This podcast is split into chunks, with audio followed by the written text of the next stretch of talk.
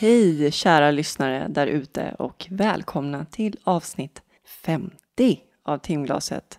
Woho! Herregud, hur blev det så här? Hur gick det till? 50 timmars prat. Det är helt galet faktiskt. Ja. Hur är läget med dig, Jasmin? Jo, men jag tycker att det är bra. Vi börjar närma oss våren nu i alla fall, Max.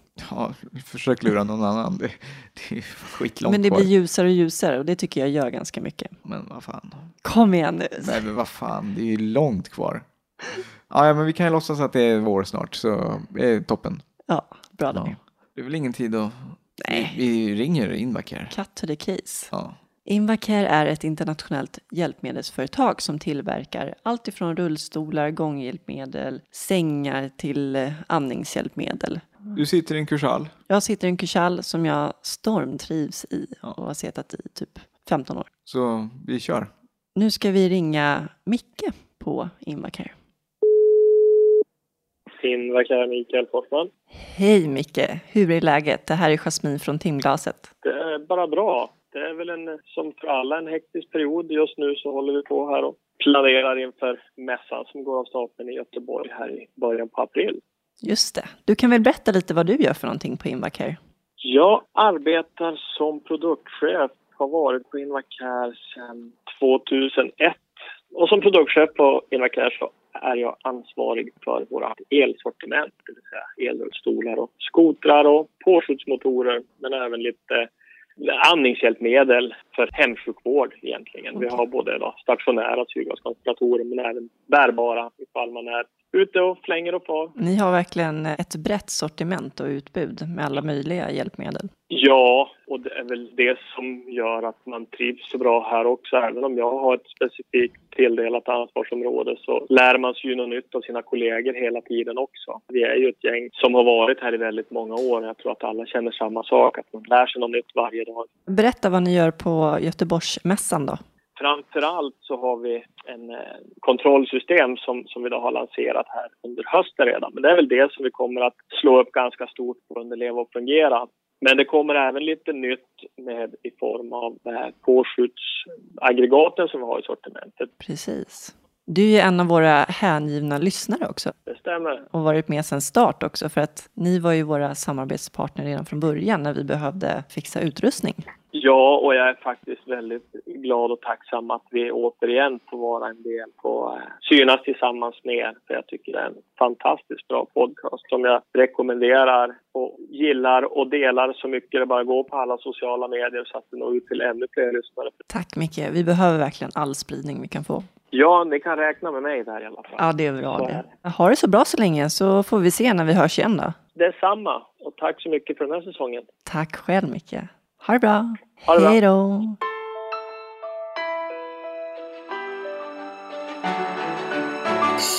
Idag får ni möta oss helt enkelt. Ja, vi ska intervjua varandra efter önskemål av lyssnare. Precis.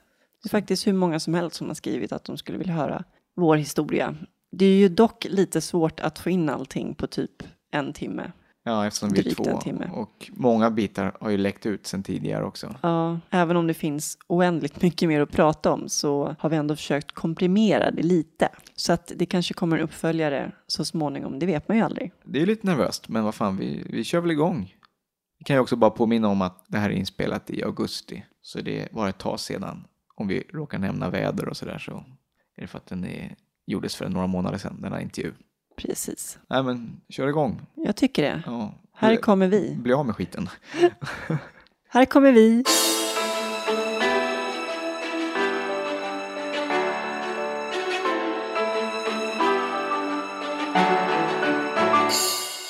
Hej Max! Hej Jasmin. Hur är läget?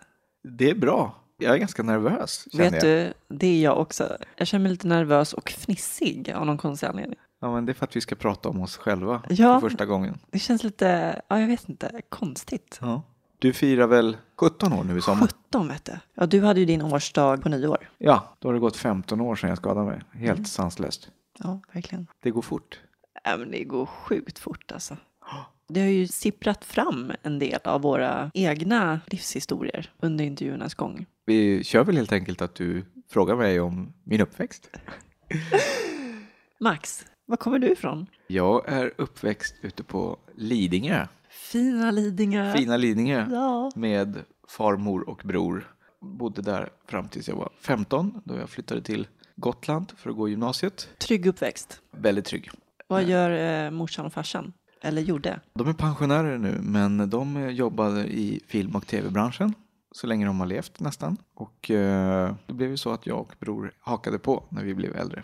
Hur var det att växa upp med sådana föräldrar i den branschen? Ja, alltså när man var liten förstod man väl inte riktigt vad det var. Men sen när man började hänga på till jobbet och fixade praktik i skolan via dem så förstod man ju att ja, men det här är ju hur kul som helst. Det är ju rena leklandet, här måste man jobba med. Och sen blev det så. Du flyttade ju hemifrån redan när du var 15 bast. Ja, flyttade till Gotland för att gå filmgymnasiet. Hur var det? Det var nog fortfarande en av de absolut bästa beslut jag har tagit i hela mitt liv. Just att få klara sig själv från 15 års ålder, vilket låter helt sinnessjukt idag. När man ser en 15-åring, då är det inte det första man tänker att skicka honom till Gotland själv och ge honom en budget så han får klara sig själv. Var du självständig innan? Nej, jag gick ner sju kilo första terminen för jag åt makaroner. Inte nudlar av makaroner? Ja, makaroner. Så nästa kan jag inte äta makaroner. Är det så? Nej, det går inte. Hur var livet där då, på Gotland? Det var fantastiskt. Göra film och festade och hade det underbart i tre år. Levde livet? Ja, det var bästa tiden i livet nästan. Nej, det var superkul. Nej, men jag gick där i tre år och sen kom jag hem och började direkt jobba på min pappas långfilm. Och direkt ut och jobbade och jag har jobbat sedan jag var 18 år i princip. Vad var det för långfilm? Ja, Det var en dramafilm. Men hur är det att liksom vara en familj där alla är i samma bransch? Det är kul. Jag fick ju lite extra kontakter in i jobbet direkt. Så man fuskade sig till medan alla andra fick kämpa sig till dem. Du gör ju ett bra jobb också. Ja, det vet jag inte, det hoppas jag. Du har ju kunnat liv nära dig på det. Ja, det har jag gjort. Jag har ju bara varit sjukskriven i nio månader. Sen dess har jag väl försörjt mig själv ungefär. Och det är ju inte helt lätt faktiskt som frilansare. Nej, jag fick ju lite försäkringspengar också som jag har levt och pluggat på och sådär. Men jag har ju fått lite a-kassa och sånt där, men stor del har jag väl klarat mig själv. Hur var din uppväxt? När jag föddes bodde vi på Ekerö och eh, jag är ju sladdis då. Min eh, syrra är 14 år äldre än jag och eh, brorsan är 10 år äldre. Och sen har jag ytterligare en brorsa som har samma pappa som jag, som också är 10 år äldre. Min syrra och min andra brorsa har samma mamma som jag. Och sen kom lilla jag. Efterlängtad sladdis eller var det? Jo, men det var jag. Ja. Min mamma och pappa, de träffades på Konstfack. Lite så här hippietyper. Och sen när jag var ett år bestämde sig mamma och pappa för att vi skulle flytta till Torrevieja i Spanien. De hade varit där på resa och tyckte att det här verkade ju trevligt och bra. Det var ju många svenskar som var där på 80-talet av någon anledning. De hade någon slags eh, vision och dröm om att de skulle leva som konstnärer där nere. Så de eh, sålde allting vi ägde och hade och mina syskon Sålde de dem också? de fick packa en kartong var och så köpte de en folkabuss och så drog vi ner till Torrevieja. Där hände det en del grejer. Pappa och mamma separerade. Det funkade inte så bra att sälja tavlor på hippiemarknaden. Mamma fick ta lite extra jobb och sådär för att det skulle gå runt. När allting sket sig bestämde sig mamma för att flytta tillbaka till Sverige. Ja, hon ville att vi skulle få bra utbildning och en bättre framtid helt enkelt. Min farsa stannade kvar där då. Även min syrra hade träffat en kille, så hon ville också stanna kvar där. Hon var ju 18, så hon fick ju bestämma själv. Så jag, morsan och min brorsa då flyttade tillbaks till Sverige och då hamnade vi på Lappis, som är ett studentboendeområde. För morsan började då plugga, vidareutbilda sig och eh, där bodde jag mina första år i Sverige på Lappis. När kom dansen in i bilden? Den kom in i bilden redan när jag bodde i Spanien faktiskt, för att min eh, storasyrra höll på att dansa. Så jag fick ofta följa med henne på hennes danslektioner. Ända sedan jag var liten så har jag velat dansa och röra mig till musik. Det har liksom alltid varit en passion. Var du en talang? Ja, med tanke på att eh, när jag var 11 år gick på audition på Balettakademin och kom in på deras elevskola så, så tror jag väl att jag hade någon slags talang. Och senare kom jag ju även in på ett eh, dansgymnasium som jag skulle börja på. Det nästa som händer dig är ju din uh, olycka egentligen. Mm. Ska vi ta min olycka först? Ja. En morgon så vaknar du och två timmar senare så är du helt förlamad. Ja, det kan man säga. Kan du liksom berätta hur allting gick till egentligen? Det började när jag stod i duschen på morgonen och sträckte mig i halsen, trodde jag då hela tiden. Det kändes precis som en sträckning. Sen brydde jag väl mig inte så jävla mycket om den där sträckningen. Dagen flöt på och sen var det kväll och vi kom över några kompisar och vi satt och spelade brädspel. Och jag kommer ihåg att jag satt liksom, jag ville sitta på hörnet för då slapp jag vrida nacken så mycket för det var bäst för mig. Och vi satt och höll på och spelade fram till halv fyra på natten. Då tappade jag en penna över hela spelbrädet och vi gav upp helt enkelt. Och sen gick jag och la mig och vaknade klockan sju med världens smärta i nacken. Det kändes som att man fått ett baseballslag i nacken. Det gjorde skitont. Så då ringde jag mina föräldrar och sa att jag måste komma över och jag har skitont. Jag klättrar ner från min våningssäng. Jag sätter på mig skorna och jag fixar inte att knyta skorna för jag har så ont.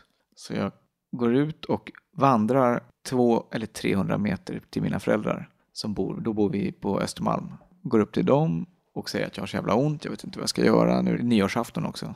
Och eh, vi går ner först till deras granne som är läkare. Och jag får Voltaren tror jag och något annat. Och har jäkligt ont och bestämmer liksom att nej men det här funkar inte. Vi måste åka in till sjukhus. Någonting är knasigt. Och jag och pappa går ner till bilen och kör till KS. Hur mycket kan du röra dig? Nej, helt fullt helt och hållet. Men när jag kommer till KS upptäcker jag att jag inte kan öppna bildörren själv. För att händerna har börjat domna. Och jag går in då, ställer mig i kö. Eller det är ingen kö, det är en före kanske. Och så går jag in och berättar läget att jag har jätteont, jag, mina händer börjar domna. Och de skickar mig först till ortopeden och efter fem minuter där så konstaterar de att jag ska till neurologen.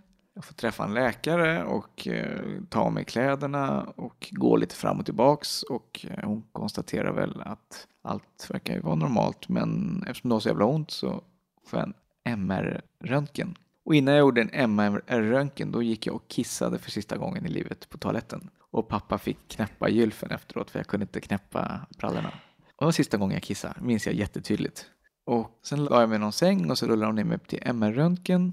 Så la jag mig i den där röntgen och 40 minuter senare kom jag ut och är i princip helt förlamad. Så då har inflammationen blommat ut helt. Jag kunde röra mitt högerben, vänsterben, men den funktionen försvann någon timme senare också. Och eh, de tog upp mig där och konstaterade att det här är liksom... Jag kommer ihåg att min farsa ringde hem till mamma och sa liksom, äh, men nu är han helt förlamad där. Det är nog bra att du kommer hit också. Så mamma kom dit också, som jag minns det.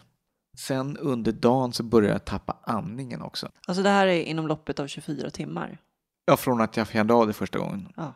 Sen fick de MR-plåtarna och eh, man såg ingenting på ryggmärgen. Så de skickade upp mig till R15 på neurologen. Och där låg jag och hade panik för jag kunde inte andas. Jag kommer ihåg att jag bara kunde ta väldigt korta andetag. Och jag låg och sa att liksom, någonting är fel, någonting är fel. Och det enda läkarna sa att det här är psykologiskt. Du har en depression eller någonting. Och jag sa att jag har inte alls en depression, livet är kanon. Men de sa att nej, det här är en depression. Berätta varför livet var kanon. Nej men det var allting. Jag hade precis träffat en tjej och jag har precis fått jobb, jag har precis fått ny lägenhet, jag skulle åka till fjällen samma dag och allting var super. Så det är ju verkligen förolämpande att man dömer någon på det där sättet. Ja, men jag blev ju tokig. Jag förstod ju att det här är någonting helt annat. De sa ju också att det här kommer ju gå över, det här är ju tillfälligt, så det var ju skönt också. På natten vet jag att jag ringer flera gånger på sjuksyrra och sa att jag kan inte andas, jag kan inte andas, jag har så svårt att andas och de liksom i princip bad mig att vara tyst. En gång kom jag ihåg också, man ringde på larmet och det kom bara in en hand och stängde av larmet för att jag skulle sluta ringa. Och sen på natten så vaknar jag av, jag har lyckats somna på något sätt och då vaknar jag av att det är någon akutläkare som har ringts in som gör det här testet och att man drar något under foten. Jag vet inte vad det testet heter. Man drar någon metallgrej under Kolla foten. reflexen. Ja, precis. Och foten liksom kröktes ju jättekonstigt och han sa ju att det här är inte alls någon psykologiskt. Så tog de en ryggmärgsprov på natten där och nästa morgon så vaknade jag i något så här halvakut rum, tror jag, som var övervakat. Och sen efter det så körde de ner mig till NIVA, alltså intensivvården, där jag var verkligen så superbevakat. Där jag låg ett eller två eller tre dygn, jag kommer inte ihåg faktiskt. Och respiratorn stod påslagen bredvid vet jag. Om jag skulle tappa andningen också. Och då trodde de att jag hade någonting som heter Guillain-Barré. Vad är det för något? Det är någon nervsjukdom som i perifera nervsystemet. Och eh, det trodde de i tre veckor tills jag började spatta i min högerfot. Då tillkallade vi läkarna helt överlyckliga. Åh, det rör sig. Och han såg ju direkt att det här var ju spasticitet. Så det var ju bara rakt ner i en MR-kamera igen. Då såg de att jag hade en inflammation i nacken mellan C2 och C7. Och det är högt upp. Det är ganska högt upp. Och där vill man inte att det ska gå sönder. Här vill man inte att det ska gå sönder. Så då var det raka vägen upp till R18, till ryggmärgsskadeenheten. Det värsta som hände på den här avdelningen, kom ihåg en gång jag låg med handen på magen och eh, det är ju ett jävla övergrepp egentligen. Jag låg med handen på magen och det började svettas mellan mina fingrar och det gör ju skitont tycker jag då eftersom det blir så intensivt. Jag kallar på hjälp och in kommer en finlandssvensk tant och jag ber bara, kan inte du sära på mina fingrar, det gör så ont. Och hon säger, nej, de ligger jättebra där. Och jag säger liksom, nej men du måste sära på mina fingrar, det gör så himla ont. Nej, det ligger bra. Jag tänker inte sära på dina fingrar. Och jag börjar böla och gråta och tycker liksom, det gör, det måste sära. Men hon vägrar och går därifrån. Alltså, Fruktansvärt ja, vilken förnedrande. jävla kärring. Ja, det finns många sådana ögonblick som man aldrig någonsin kommer att glömma. Ja men du förstår, man Man var har ju helt känt sig hjälplös. så jäkla liten alltså. Också så här, du vet när man skulle gå på toaletten i början. Det har väl du också gjort? Plötsligt så bara, okej, jag ska ligga här naken inför alla människor. Och man ska upp i någon jävla gunga och över i någon toalettstol och det är bara, nej fy fan vad hemskt det var. Total förnedring. Jag måste bara fråga, hade de kunnat, för jag menar första MR-bilderna då så såg de ju ingenting. Mm.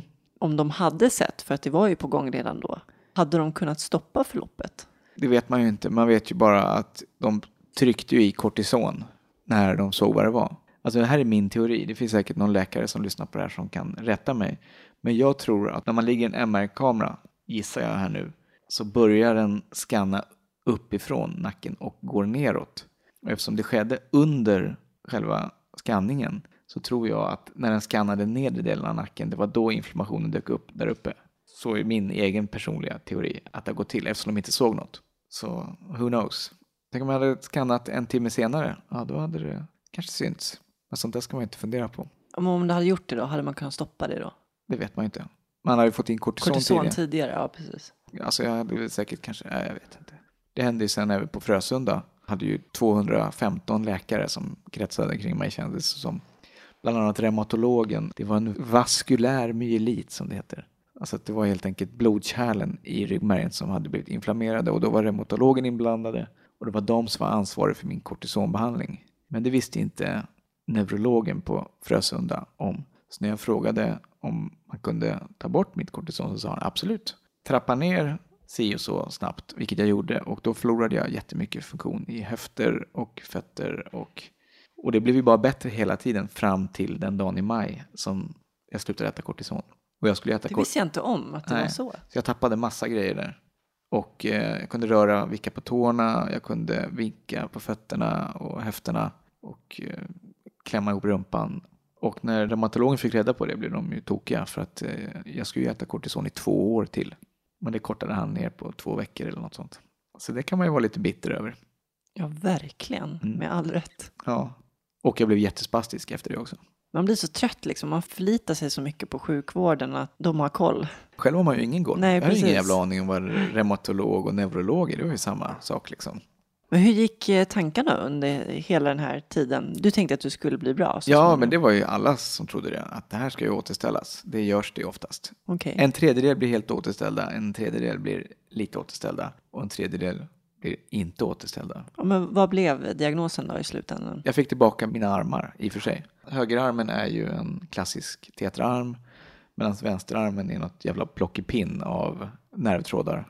Jag har ingen axel, men handen funkar å andra sidan. Så det är ju schysst. Det är alltid något. Kan du beskriva din funktionsnedsättning, Max? Jag har en uh, tetraplegi, C5 i princip. Helt förlamad från bröstet och neråt, förutom min stortå jag kan vicka på. Yay. Och eh, förlamad delvis i armarna. Höger arm har jag axel och lite små muskler men är förlamad i handen. I vänster arm saknar jag axel men där funkar handen och lite grejer däremellan. Men den är mycket svagare. Och sitter i rullstol och har inte full känsel men känner ju allt liksom. Och mycket nervsmärta. Är det en fördel eller nackdel tror du att känna? För mig är ju fördelen att jag måste lyfta på rumpan hela tiden. Så du inte får sår. Ja, för att jag har ont i rumpan hela tiden. Så jag har ju varit helt förskonad från trycksår. Jag har inte haft en tillstymmelse. Så det är ju skönt. Men var tror man att det här kommer ifrån då? Otur. Jag fick en inflammation som bara knipsade av ryggmärgen. Svullnaden tryckte sönder ryggmärgen. Kommit från en förkylning eller vad som helst? Ja, ett virus tror de att det var. Så det heter tvärsnittsmyelit är själva diagnosen. En vaskulär tvärsnittsmyelit. Och det är autoimmunt. Ja. Och du som har beskrivit dig själv som så himla försiktig med allt, liksom har inte... Jag har aldrig dykt i hela mitt liv innan. Jag har aldrig kört för fort. Jag har liksom inte fått en parkeringsbot nästan. Jag har aldrig hoppat fallskärm, skulle aldrig, liksom, aldrig göra farliga saker. Ändå drabbas jag liksom värst av allihopa. Nej men, jag låg och sov, vet du. Men du, vilken jävla tur ändå att du inte tappade andningsförmågan. De berättar ett år senare att 50% inte överlever så höga. Det också. Mm. Så det var väl tur. Hur hanterar du allting då? Jag tänkte tiden efter när, eller när förstod du att this is it? Det förstod jag på det här mötet ett år efteråt när jag skulle återkontrollera hur det kommer bli. Då fick jag reda på att det var 50% chans att jag överlevde och att nu har det gått ett år. Har det inte hänt mer än så här så är det här this is it. Och hur kändes det? Ja, det var kanon. Jag gick på bio och skrattade. Nej, jag, jag, jag grät väl floder antagligen. Fick du någon hjälp? Ja, jag hade psykolog på KS. Hela vägen fram till jag slutade på Frösunda. Mm. Själv då? Nu är det din tur att berätta din lustfyllda historia. Ja, den har ju som sagt kommit Shoot. fram några gånger här i podden. Men eh, jag kör en gång till då. Ja. Det var sommar 99. Jag hade slutat nian jobbade extra på McDonalds den sommaren och gick en massa danskurser och sådär för att hålla igång inför dansgymnasiet. Min mormor bodde på den tiden i Spanien. Jag och min bästa kompis Matilda, vi skulle åka ner på semester hos min mormor i Torrevieja. Skulle vara där i två veckor. Och det var första gången som jag skulle resa själv med en kompis. Så jag såg verkligen fram emot det. Vi skulle ha roligt. Bada, sola. hur gammal var du? Då var jag 15. Jag var ju 20, jag vet inte om jag sa det. Nej, det sa du inte. Precis fyllda 20. Såg mest fram emot att skulle få gå på Systembolaget själv för första gången.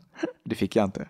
Det tog ett halvår till innan jag fick göra det. Och då jävlar. Ja jävlar vad det fylldes. Nej. Nej, men så ehm, då hade de precis byggt så flådigt med en ny strandpromenad med massa vackra lampor och palmer och även badanläggningar som gick ut i havet som pirer liksom. Där det fanns bryggor. Ena dagen hade vi gått till den närmaste och andra dagen så bestämde vi oss gå till den andra som låg lite längre bort. Vi gick först ner till stranden och hittade en plats bland alla människor mitt på dagen klockan 12. Sen var det så himla varmt, det var en riktigt het dag. Och just den sommaren, då hade jag börjat dyka på ett sånt sätt som oftast killar gör, att man, Huvud före. ja dels det, men att man springer och först hoppar rakt upp för att sen typ dyka rakt ner. Jag sa till min kompis att det är alldeles för varmt, jag måste ta ett svalkande dopp. Så då ställde vi oss precis där bryggan börjar. Och så sa vi att vi skulle räkna till tre och Matilda tyckte att det var lite läskigt för att det var ju lite högt. Men jag sa, "Äh, vi räknar till tre och så springer vi tillsammans och dyker i. Som tur var så stod Matilda kvar, annars hade det varit två som hade setat här idag. Så jag eh, sprang, kutade. Vi är två som sitter här. Ja, tre då. Mm. Så jag sprang, tog ett rejält skutt ifrån bryggan och hoppade rakt upp och sen störtade rakt ner med armarna före. Armarna slets liksom bakåt i vattnet. Och sen kommer jag ihåg hur pannan stöter i sandbotten. Jag kommer fortfarande ihåg den här känslan av sandpapper mot pannan. Liksom. Och sen känns det som att jag gör någon slags volt i vattnet, snurrar runt. Jag hade bikini på mig. Så det första jag tänkte var att jag måste dra ner bhn liksom, för att den kan ha en tendens att åka upp då när man dyker. Det var helt omöjligt. Jag kunde inte röra mig. Vad är det som har hänt? Jag flyter upp med ansiktet neråt och jag kommer ihåg hur jag kisar och så börjar det svida i ögonen för det var ju saltvatten. Och så tänkte jag att, åh nej, jag hade precis fått nya linser och min optiker hade sagt att jag inte skulle ha ögonen öppna under vattnet för att då kan linserna fastna på hinnan. Så jag, nej, nu har jag öppnat ögonen, nu kommer de fastna. Så jag stänger dem snabbt igen och eh, hör alla liksom under ytan hur barn leker och hoppar och stojar. Ingen panik eller? Man hinner tänka väldigt mycket där faktiskt. Jag tänker så här, okej, vad är det som har hänt? Har min kropp kommit till någon slags chocktillstånd eller vad är det frågan om? Jag kan inte röra mig. Om jag inte kan röra mig så kommer inte jag kunna få luft. Snart börjar jag höra Matilda skrika liksom Jasmin, vad gör du för någonting? Och jag kan fortfarande inte göra någonting och så tänker jag så här, okej, okay, om jag inte kan göra någonting, jag kommer ju snart kola liksom. Jag kommer ju dö, för jag får ingen luft. Och sen fortsätter jag höra Matilda, Jasmin, sluta skämta nu, är det inte roligt längre. Så hon trodde liksom att jag låg och flöt sådär lite så på skoj och det hade inte varit helt olikt mig att göra en sån grej. Och nu börjar jag liksom känna att jag börjar sakta men säkert tappa medvetandet och försvinna. Och då hinner jag tänka så långt som att börja föreställa mig hur min begravning kommer se ut, vilka som kommer komma, vilken bild mamma kommer välja att ha på kistan. Och sen liksom, hur ska min familj hantera den här sorgen? Liksom? Och sen tänkte jag vidare på hur mitt liv skulle ha sett ut. Jag tänkte på framtiden. Hur skulle du mitt... tänkt allt detta? Ja. Hur skulle mitt liv ha sett ut om jag hade fått leva vidare? Jag föreställde mig hur jag stod på en scen och dansade inför tusentals åskådare. Och... Ja, allt det här hinner jag tänka och sen hör jag hur Matilda bara skriker i ren desperation på hjälp. Hon stod ju där som paralyserad liksom. Och då var det en norsk familj som snabbt reagerade. Pappan i familjen gick ner i vattnet och hjälpte mig upp och jag fick luft. Och jag blundade hela tiden, kommer jag ihåg, för jag kände mig väldigt, väldigt trött och ville bara sova hela tiden. Tänkte han eh, nackvård också samtidigt? Jag tror att han var väldigt försiktig för att det visade ju sig sen att hans fru också var sjuksköterska och förstod ganska snabbt vad det var som hade hänt. Så jag tror han var ganska försiktig när han drog upp mig där på sidan av. Sen hur försiktig, det vet jag ju liksom Nej. inte. När jag väl låg där på rygg så hade jag en enorm brännande smärta i nacke och rygg. Liksom det brändes, det var som eldsvåda. Ja, det var som min också. Så jag sa hela tiden, jag låg där och mumlade liksom med stängda ögon och sa snälla vänd mig på mage, det gör så ont. Och då frågade också hans fru då, känner du det här? Och så efterhand vet jag då att hon kollade om jag hade känsel i benet. Och jag bara var irriterad, blundade och sa nej, jag känner ingenting, låt mig vara, vänd mig på mage. Och då förstod hon ju liksom att okej, okay, vi ska inte röra henne. Så de vände ju inte på mig då för att då kunde man ju förvärra skadan. Hon förstod att jag hade fått en ryggmärgsskada. En liten grej kan förändra hela livet så jävla... Ja, på några sekunder. Det visar ju sig sen att den här bryggan var ungefär två meter ovanför vattenytan och vattnet var ungefär en och en halv meter djupt bara.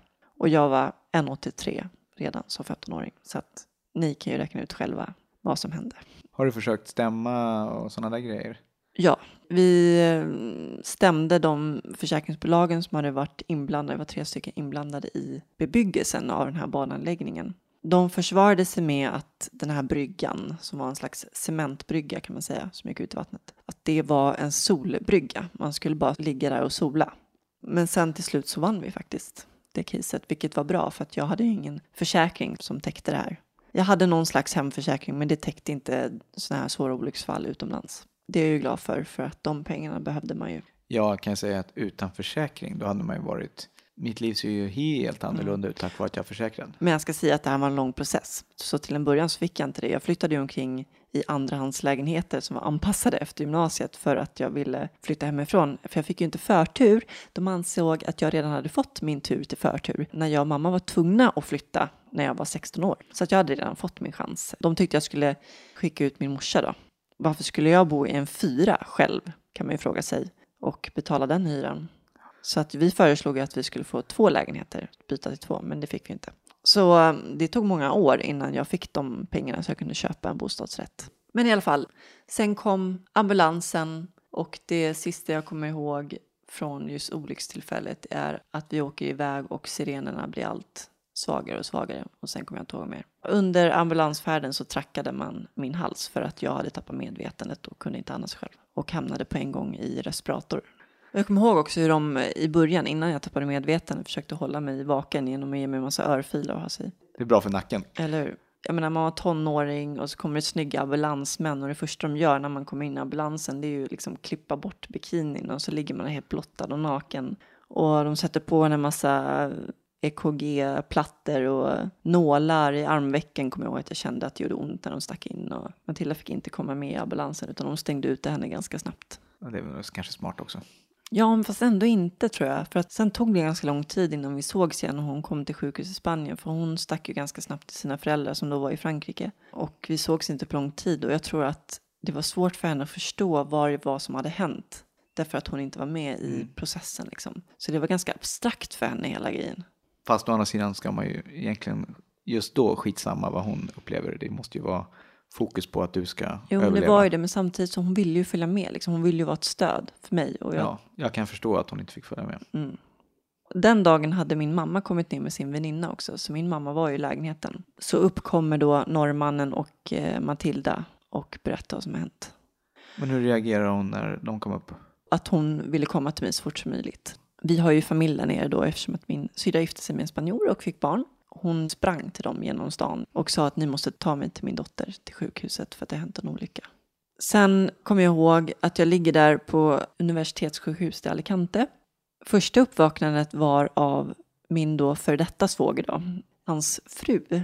Hon kommer in och är helt hysterisk och gråter och bara vad är det som har hänt Jasmine på spanska då? Vad är det som har hänt? Och pussar mig i ansiktet och jag förstod ju ingenting. Jag bara gråter och ligger där och bara hör hur en massa apparater piper och det pyser och jag kan inte andas själv och jag fattar ingenting. Och sen är det så här bara korta fragment av minnesögonblick som man har. Jag minns nästan ingenting från de tre första dygnen överhuvudtaget. Jag tror att man kopplade bort lite. Sen har jag så här olika uppvaknanden. En av mina första uppvaknanden då efter, ja, det var då Silvana som kom in och var ledsen och då förstod jag att det var allvarligt. Och sen nästa uppvaknande var ju då min eh, för detta svåger Antonio som kommer pussa på mig och liksom finns där som ett stöd. Och sen vaknar jag av, av att det känns som att mitt huvud ska sprängas. Och det de gör då det är att de skruvar in skruvar på varsin sida om mina tinningar som ska in 3 mm in i skallbenet. För man vill fixera nacken så att man inte orsakar någon mer skada på ryggmärgen. Har du inte fått bedövning innan eller? Nej, utan de tror ju att jag är nersövd. Jag kommer ihåg att jag ligger där och blundar och så bara känner jag en enorm smärta bara som blir mer och mer intensiv. Och sen börjar jag öppna ögonen och jag gråter och då ser jag den här sköterskan, hon är vaken, hon är vaken och får typ så här panik. Sen fick jag mer morfin och somnade om igen. Sen fick mamma bara komma och besöka mig en halvtimme på förmiddagen, en halvtimme på eftermiddagen.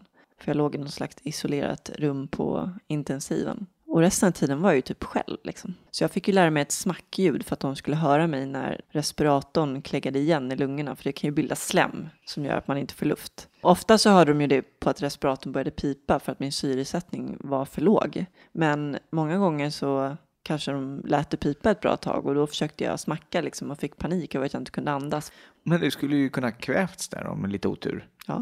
Kan du tänka dig den här synen när morsan kommer och då har hon berättat så här i efterhand att efter de hade skruvat in de här skruvarna så låg hårtussarna kvar på kudden och det hade runnit blod från skruvarna. Så det var liksom hår blandat med blod liksom. Trevligt. Som mamma själv fick ta bort. Det är någonting hon aldrig kommer glömma, den synen. Hur kom du till Sverige sen då? I och med att vi inte hade en försäkring som täckte sådana här svåra olycksfall och resan hem så ville ju inte UD, ja de ville ju inte betala ambulansflyget som skulle gå på typ 100-150 eller vad det var. Min kompis Matildas eh, mamma kontaktade media i ren desperation för mamma ville att jag skulle få vård i Sverige, vilket man kan förstå med tanke på hur omständigheterna var Mm. på sjukhuset. Men enligt UD så fick jag adekvat vård i Spanien, så de tyckte inte att de skulle behöva betala min resa hem.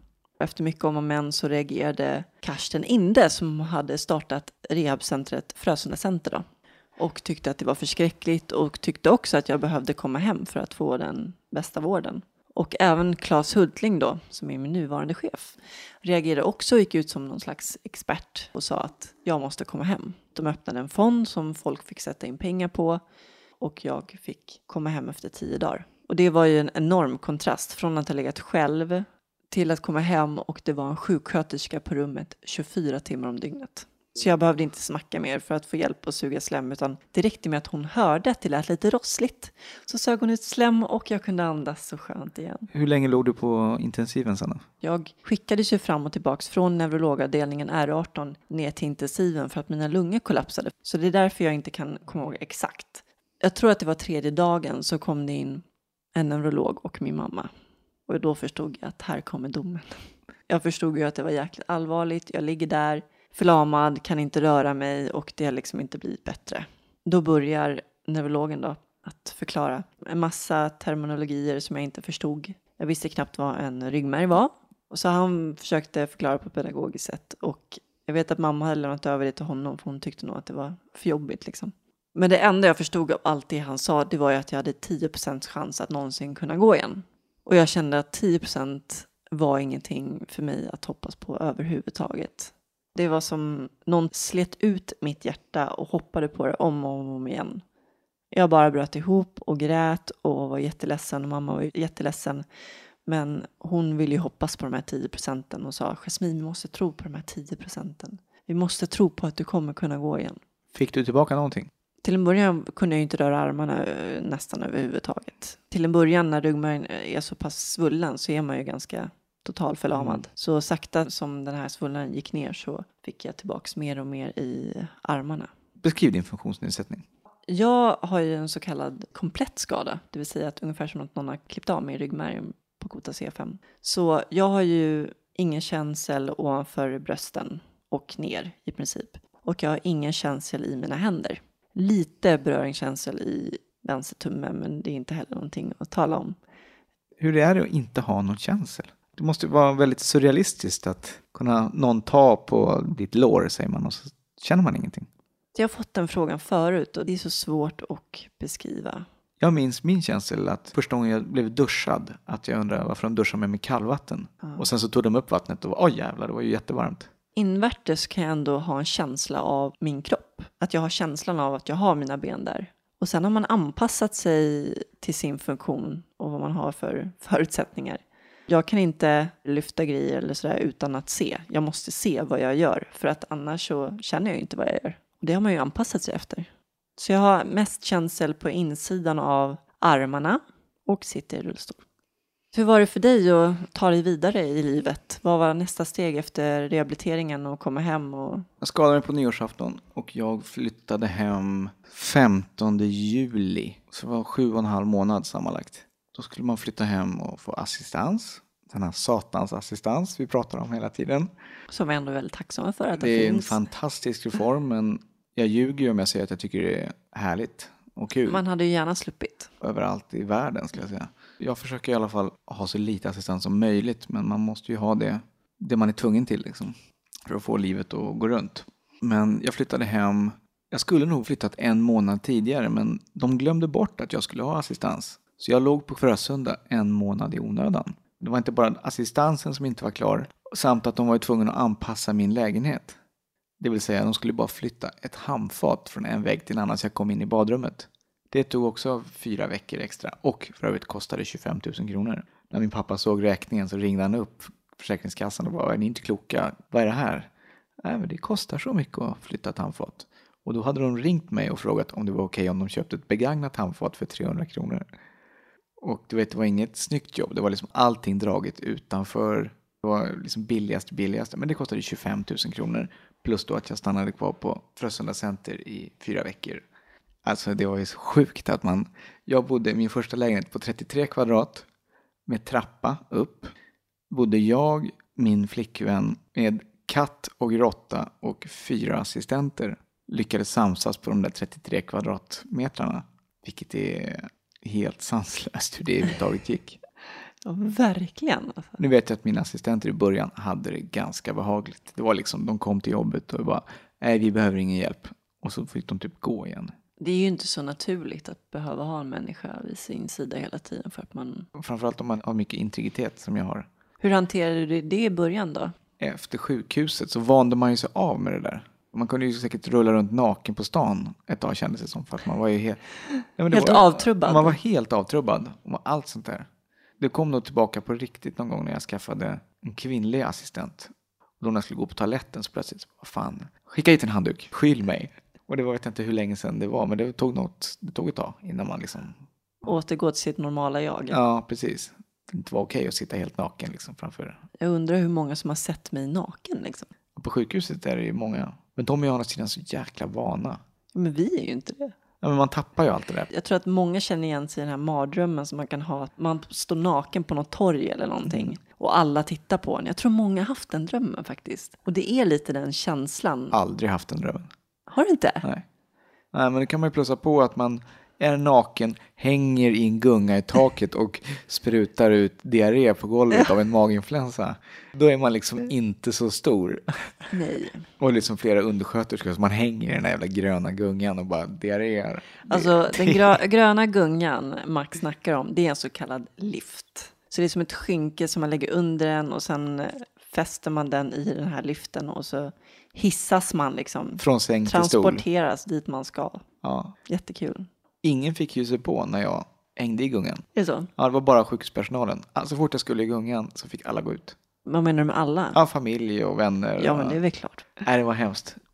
Nej, men så flyttade jag hem och sen efter två, tre månader så fick jag panik och kände att jag måste börja jobba. Jag kan inte sitta här hemma och stirra, jag blir galen. Och då fixade vi praktik. Min farsa fixade praktik på Studio 24, Roy Anderssons filmbolag, där jag började jobba halvtid. Och då ringde jag Försäkringskassan och sa att jag skulle börja jobba och då var deras reaktion så här, åh vad kul, har du blivit frisk? Jag var nej, jag har inte blivit frisk. Sen jobbade jag där, jobbade inom parentes. Jag hängde på kontoret och gjorde småsysslor, men bara för att vara ett sammanhang. Så jag tränade förmiddagarna och så åkte jag till kontoret och var där på eftermiddagarna. Jag hade ju fått jobb på Big Brother året innan som fotograf. Och då där någon gång i november, då ringde jag det bolaget igen och sa att hej, kommer ni ihåg mig? Det sket sig förra året. Så nu vill jag jobba i år igen. Och då fixade de det. Så jag jobbade, mitt första riktiga jobb var på Big Brother 03 på heltid. Vad fick du för bemötande till en början då? Jag vet inte. Framförallt i efterhand när jag liksom kom på. Jag kom ju på liksom att jag satt ju där liksom okammad med liksom mjukisbrallor och jobbade så här sjukhus. Du var hospitaliserad fortfarande. Ja, lite hospitaliserad fortfarande. Liksom. Och du vet, jag kom på att håret var ju ett enda nystan och så där, liksom, när man hade sovit med lite längre hår. Och, så jag hade inte lärt mig liksom, att börja klä mig riktigt ordentligt. Varför är det så? För så var det för mig också. Det var mjukisbyxor och stora t-shirtar. Och... För att det var så enkelt. Du vet, det tog två år innan jag började använda skärp. För att jag tyckte det skav det. Jag fick inte jobba nattpassen för då jobbade man ensam. Men jag jobbade där fram till maj. Och sen dess har jag jobbat heltid. Men det var just när jag fick börja jobba igen. Då kände jag att nu vände det. Och det tog nio månader sen skadan. Det stora lyftet var faktiskt när jag var på rekryteringsgruppens sommarläger. Det var första gången egentligen som jag pratade med andra skadade. Förutom rehabinstruktörerna då på Frösunda. Fasen vilken skillnad det blev. Man lärde sig så mycket knep. Så de har betytt mycket, tack för det. Och min bil. Det är faktiskt det enda som har fått mig att börja böla efter olyckan. Det tog ett år för min bil att börja fungera. Och du vet, då någon gång när man liksom skulle ut och övningsköra och du vet som färdtjänsten var på den tiden. Du kommer ihåg också. När jag skadade mig, om jag ville åka taxi en lördag så var jag tvungen att ringa senast torsdag lunch. Så att de kunde ringa på fredagen och bekräfta att min helg helgskjuts Det gick ju knappt att ha ett liv med funkade. Nej, du fattar så sjukt det var. Och då var ju bil helt nödvändigt. Och när det tog ett helt år för att få den här jävla bilen att kunna köra. Då brast det för mig en gång hemma hos mina föräldrar. Blinkers funkar inte, rampen funkar inte, ratten funkar inte. You name it. Inget funkade. Det var rätt knäckande. Men nu funkar den. Hur har det varit i arbetslivet då att vara rullstolsburen? Har du stött på några hinder på grund av det? Nej, det har varit kanon på alla sätt. Däremot så vet jag att du har känt att du måste prestera. Jag vet inte om det är så här, men jag kanske upplever ibland att även om jag gör ett lika bra jobb som andra så är det någonting man har emot sig.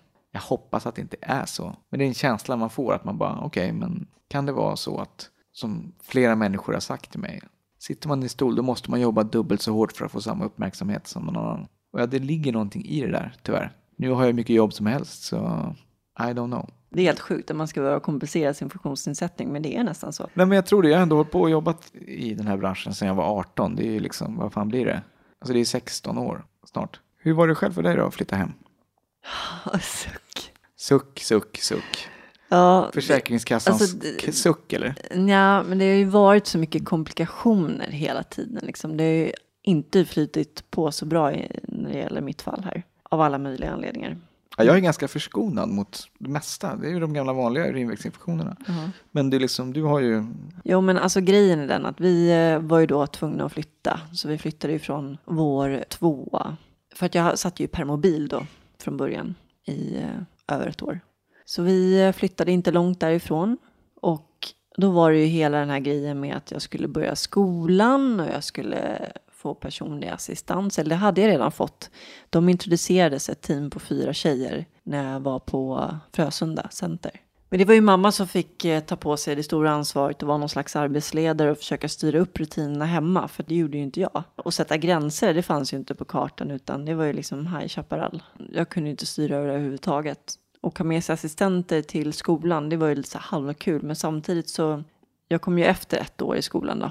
Jag kände att jag inte hade så mycket gemensamt med mina klasskamrater och så. Då var det ändå tryggt att ha någon vid sin sida hela tiden som man kunde prata med på rasterna och sådär. Men hur gamla var de? Ja, de var i 20-årsåldern. Men du var ju en riktig självspäkare. Du gick ju i liksom lokalen bredvid dina gamla danskamrater. Mm, på Kungliga Svenska Balettskolan, som det nu heter, och eh, Riddarfärsskolans mediegymnasium låg ju i samma korridorer. Det sved ju lite. Samtidigt så ville jag ju gå media och det var, den skolan var nära där vi bodde och sådär. Så på så sätt så var det ju en hyfsad naturlig ingång ändå att börja där. Och jag hade även gamla klasskamrater från Åse som gick i mediegymnasiet också. I och med olyckan då, så att jag var lång och smal och fick en så pass hög förlamning och hade då en liten krök på ryggraden. Då får man en ännu värre skolios helt enkelt. Jag fick ju en 90 graders skolios. Redan på sjukhuset så la min syster och mamma, de la märke till det redan då, sa men hon är ju jättesned liksom. Men anhöriga får ju inte sina röster hörda många gånger på sjukhusen utan blir ganska snabbt överkörda av de som vet bättre. Så innan vi fick rätt genom att röntga ryggen och så vidare så hann jag ju få ett sittsår för jag gick ju i skolan, jag satt från tidigt på morgonen till sent på kvällen. Det var ingen som hade varnat mig om att sitta länge för att man kan få trycksår och all vikt var ju på ena sittknölen för att jag var så fruktansvärt sned i ryggen. Ganska snabbt eh, utvecklade jag ett sår som blev väldigt djupt. Men jag kan säga att under den tiden så var jag också på RG-läger och jag var på Frösunda Centers kombikurs i Florida. Det var efter den flygresan som eh, det förvärrades avsevärt. Det var så inifrån benet och ut på sittknölen. Men den resan betydde väldigt mycket för mig. Jag förstod att ja, det funkade att resa utan problem och träna och träffa andra och så vidare. Det var jättekul. Men som sagt, det här såret förvärrades och efter mycket om och men så blev jag typ sängliggande i två år under gymnasiet och eh, fick göra mycket studier hemifrån och mina lärare var jättehjälpsamma och jättegulliga och fick det att funka med arbetsuppgifter hemifrån och att jag tillfälligt kunde göra prov i skolan och så vidare. Sen undersökte en kirurg mitt sår genom att stoppa in ett finger i såret och konstaterade oj, här var en ficka, sa hon. Vadå en ficka? Ja, men då var det som en hålighet liksom i skinkan Ugh. som inte skulle gå att läka själv utan det krävdes en plastikoperation för detta. Och det man gör då är en så kallad lambeoperation. Man drar upp den här lårmuskeln på baksidan för att fylla ut den här håligheten som har blivit. Men du Så- har ett, liksom ett vackert ärr på hela undersidan av låret. Mm, jäkligt långt. Typ från baksidan av knät upp till rumpan. Oh, fy fan. Ja, man är lite ärrad. Men så, så fort man ansåg att det hade läkt efter operationen och allting. Specialistläkaren då som hade sett röntgenbilderna sa att det här är ingen snack om saken. Vi måste steloperera din rygg. Och jag blev väldigt ledsen över det, eller ganska knäckt, för jag kände att hade de åtgärdat min rygg innan jag fick det där såret så hade jag sluppit det där jävla såret liksom. Och man kände sig orättvist behandlad och allt möjligt. Och det är ingen liten operation att gå igenom och steloperera från bröstkota TH8 ner till ländryggskotan L1. Det var alltså 40 centimeter långa stag som de opererade in i min rygg. Hur kändes det att vakna efter? Det kändes som att jag hade blivit överkörd av en bulldozer. Jag tänkte mer positivt. Åh, det var himlen. Första gången som de skulle sätta mig i rullstolen. De bara satte mig där och man behövde inte korrigera någonting utan jag satt där spikrak, jämnt med båda höfterna. Innan så hade man behövt fixa och trixa upp ena höften för att kompensera för balansen och så vidare. Och det gjorde ont och det var jättejobbigt och det tog liksom hundra år innan jag kunde sitta bra i en rullstol. Och nu var det bara, jag, jag nästan ja, grät av glädje just för att det var ljuvligt att kunna sitta så bra. Men samtidigt så grät jag också för att jag hade behövt gå igenom det jag hade behövt gå igenom innan. Ja, mycket ska man gå igenom.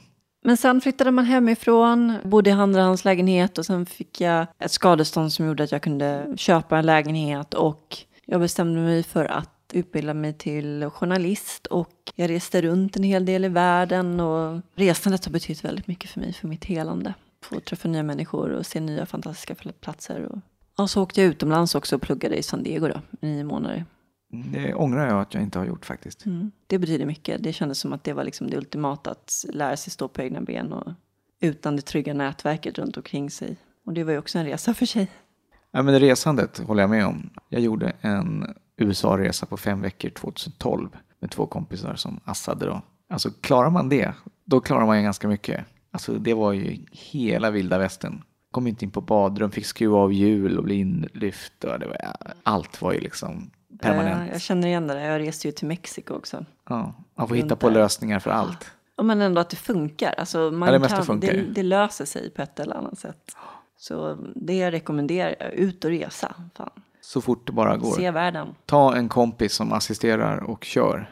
Och tar allt som det kommer. Ja. Det berättade ju du också när du var i San Diego att du reste iväg med en kompis där Mm. till San Francisco. Jag hade en polare som eh, hade sitt föräldrahem där och han skulle dit och hälsa på. Så vi drog dit. Lät min kompis hjälpa mig med allting. Ja, men det, det- var hon, det var hon som övertalade mig faktiskt. Insisterade på att nej men fan det här kan vi fixa Jasmine. Jag bara ja men mina assistenter det är jobbigt förflyttningar och dittan och dattan och toalett och hit och dit. Äh vad fan det där fixar vi. Det var nog den största frihetskänslan jag hade haft efter olyckan. Jag håller med. Jag reste till bröllop i Kanada. Med, det var en kompis också som fick hjälpa mig med allt. Och det var så jävla skönt att man bara slapp ha de här nissarna som springer runt en.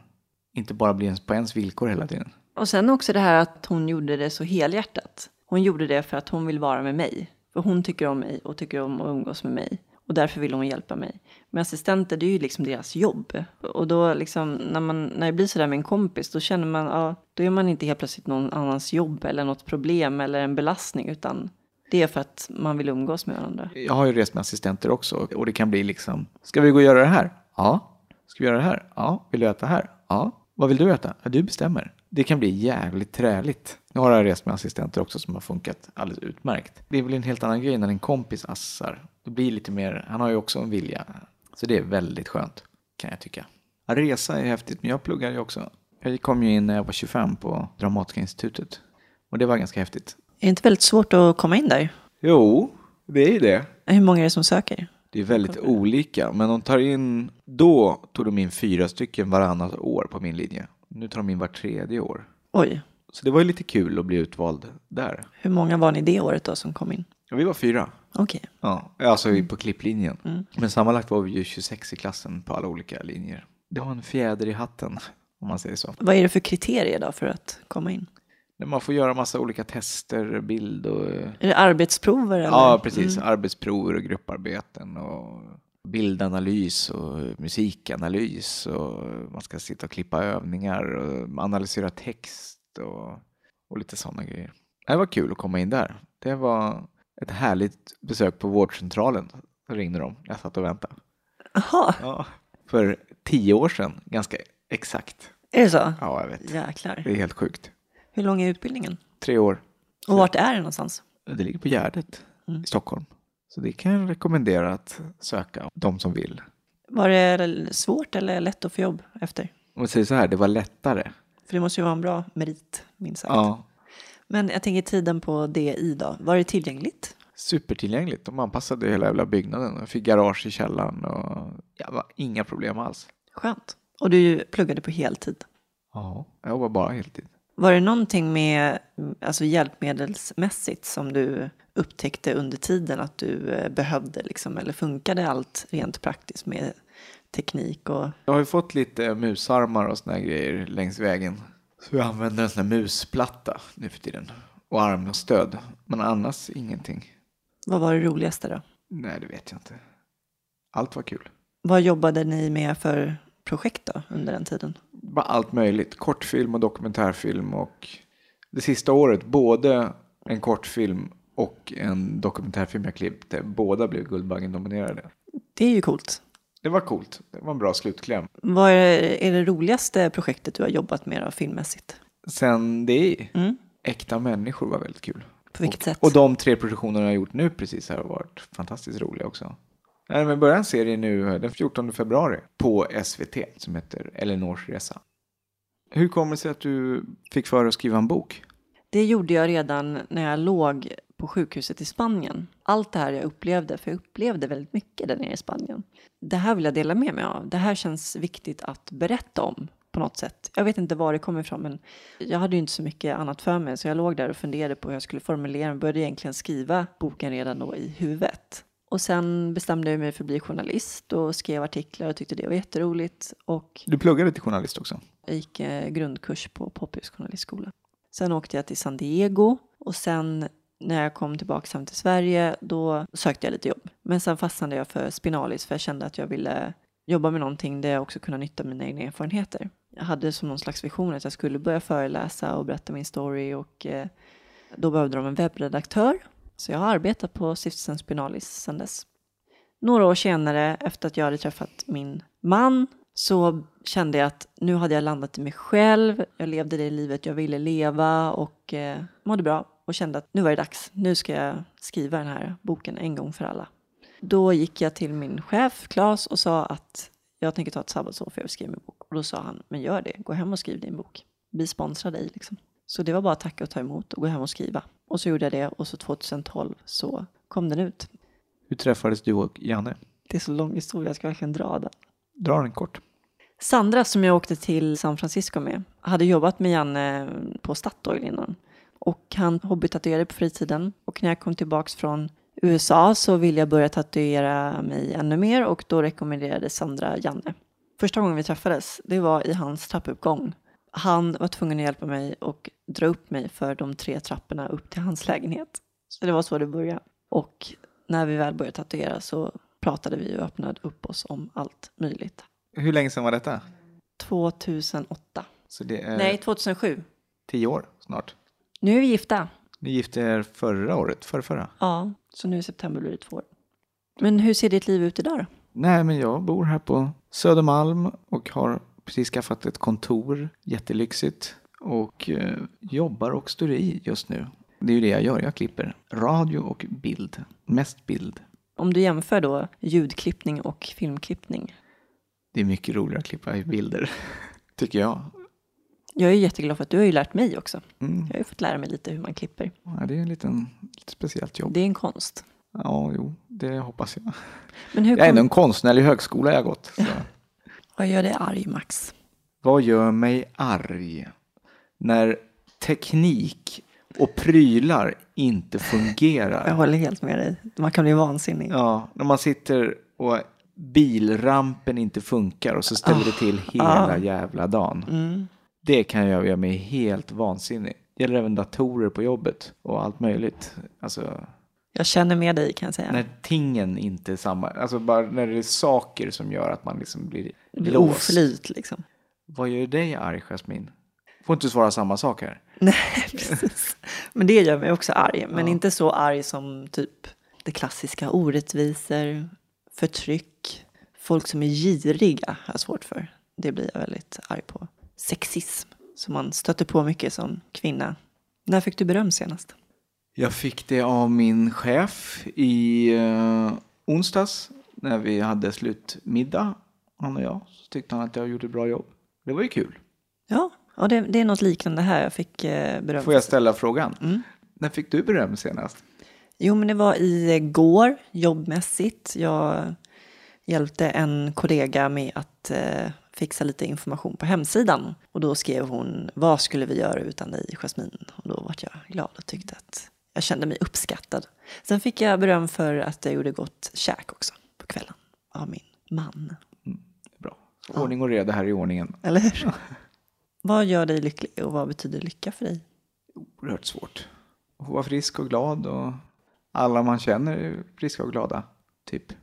Skitsvårt att svara på de här frågorna. Vad gör dig lycklig? Det finns så mycket små saker i tillvaron som kan göra en glad. Som en god kaffe och sitta och snacka med en polare över en fika. En sak som ger mig harmoni i själen det är ju när jag sitter på min balkong i min lägenhet i Spanien och ser ut över den fantastiska utsikten över Medelhavet. Det är faktiskt inte så mycket som slår det. Ja, så länge det är snöfritt och man är smärtfri som jag brukar säga, då är det, då är det kul. Vad betyder frihet för dig? Ja, det är väl att kunna ta sig fram överallt utan att det ska vara ett jävla krångel. Vilket det lätt kan vara. Själv då? Ja, jag svarar ungefär samma sak. Att få leva det livet jag vill leva utan hinder. Det är väl frihet. Ja, Och vi om några får ju känna på hur det är när man inte har den möjligheten. Just när det gäller beroendet av personlig assistans framför allt. till exempel. Om du fick leva om ditt liv då? Skulle du göra någonting annorlunda då? Vet jag om att jag ska få en ryggmärgsskada? Ja. Nej, nej, men jag hade nog ehm, Det är som vanligt. Jag brukar alltid nyårslöften att man ska liksom... Jag hade förra året att jag skulle bjuda in mer folk på middag och såna grejer. Att man, det är så lätt att man bara slöar bort tiden. Man skulle vilja göra mycket mer prylar. Utnyttja tiden bättre. Utnyttja tiden bättre. Vad gjorde jag 2012? Ja. Mer Ja. kvalitetstid med nära och kära kanske. Ja, inte bara det. Att göra saker och hitta på projekt och Du, göra jobb, mer du jobbar ju hela tiden. Ja, men man kan göra saker när man inte jobbar också. Det gäller energi till det också. Det är väl där skon klämmer kanske. Energi har jag. Det är inga men idéer saknar jag. Själv då? Jag skulle ju inte dyka. Det var ju jävligt klantigt. Ja, fast, av eh, det var ju frågan här. Vet du om att du, att du skulle skada dig? Men det är som de flesta svarar. Skulle inte gjort det. Jo, men det är ju klart. Jag menar, följderna har ju inte varit så roliga. Ja, liksom. Fast hade du inte vetat om att det skulle ske, då hade du dykt ändå. Ja, det hade jag. Precis. Vår fråga ställs på sin spets här. Det är ju en klyscha, men man skulle inte varit där man är idag om det inte vore för allting som man har gjort och gått igenom. Och, eller hur? Det har ju format en till den man är. Jo, så är det väl. Sen vet jag inte om det är till det bättre. Nästa fråga. Jävla idiotfråga egentligen. Men det är lite kul. Vad skulle du vilja säga till någon som inte har någon som helst erfarenhet av personer som lever med en funktionsnedsättning? Gud vad svårt. Nej, men det är väl bara att skälla ut den jäveln. Om, om man gör något olämpligt. Ja, men, ja, något som vi har pratat om eh, mycket båda två och många av våra gäster det är ju det här med, med att hjälpa till.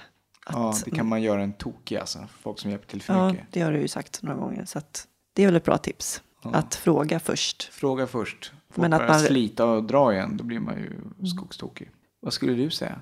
Jag skulle säga så här att man ska möta alla människor oavsett om man har en funktionsnedsättning eller ej med respekt och öppenhet och försöka radera alla fördomar man har helt enkelt. Har du skrivit på det här talet i natt? Ja, fnula på det här. Jag försökte förbereda mig lite. ja, det var väl det. Ja, men tack för den här pratstunden då. Ja, men tack Jasmin. Varsågod Max. Tack själv.